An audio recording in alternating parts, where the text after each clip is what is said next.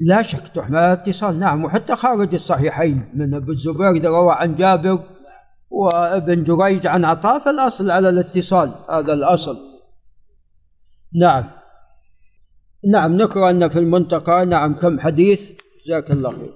قال باب تأكيد ركعتي الفجر وتخفيف قراءتهما والضجعة. والكلام بعدهما وقضاؤهما إذا فاتتا. هذه خمس أحكام بوب عليها. تأكيد أولا ركعتي الفجر وتقدم أنهما من آكد السنن. وتخفيف قراءتهما هذا من السنة أنك تخفف القراءة فيهما. هذا المسألة الثالثة. والضجعة أي بعدهما. وكان عليه الصلاة والسلام يعني أحيانا ينام بعد بعدهما بعد أن يطلع الفجر ويصلي ركعتي الفجر ينام بعدهما. بعض الشيء حتى يأتي له بلال. ونعم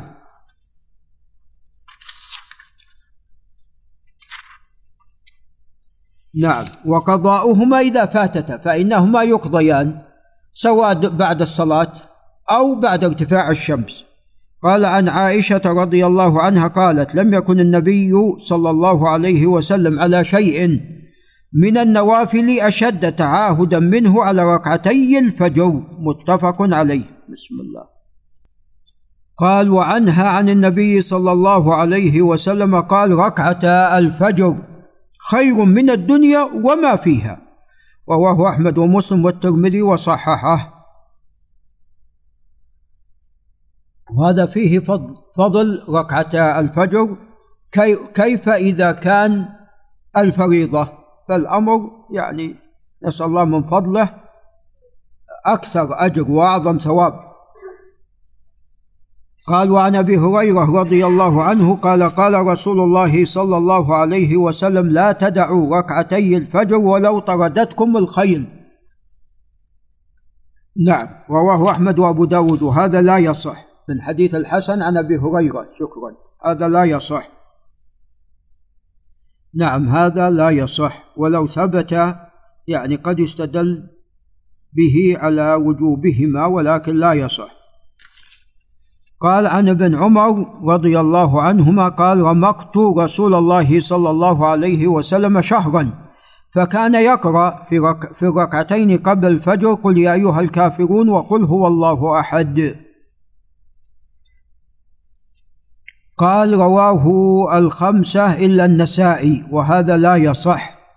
وكما ثبت في البخاري عن ابن عمر قال وحدثتني حفصة أنه كان يركع ركعتي الفجر وركعتان للفجر قال وهي, وهي ساعة لا يدخل عليه فيها فكيف يقول رمقت شهرا؟ فهذا ما يصح رواه الخمسة إلا النسائي لا يصح. وعن عائشة قالت كان النبي صلى الله عليه وسلم يخفف ركعتين قبل صلاة الصبح. حتى إني لأقول هل قرأ فيهما بأم القرآن متفق عليه فالسنة فيهما التخفيف.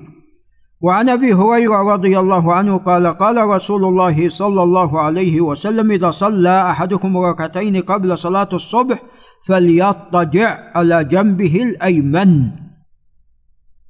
رواه أحمد وأبو داود والترمذي وصححه وهذا الصواب أنه خطأ من عبد الواحد بن زياد فأخطأ في رفعه وإلا فإنه قولي.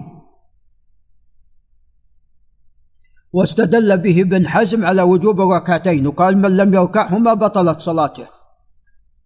وعن عائشة رضي الله عنها قالت كان رسول الله صلى الله عليه وسلم إذا صلى ركعتي الفجر اضطجع على شقه الأيمن. وفي رواية كان إذا صلى ركعتي الفجر فإن كنت مستيقظة حدثني يعني لم ينم وإلا اضطجع متفق عليهما.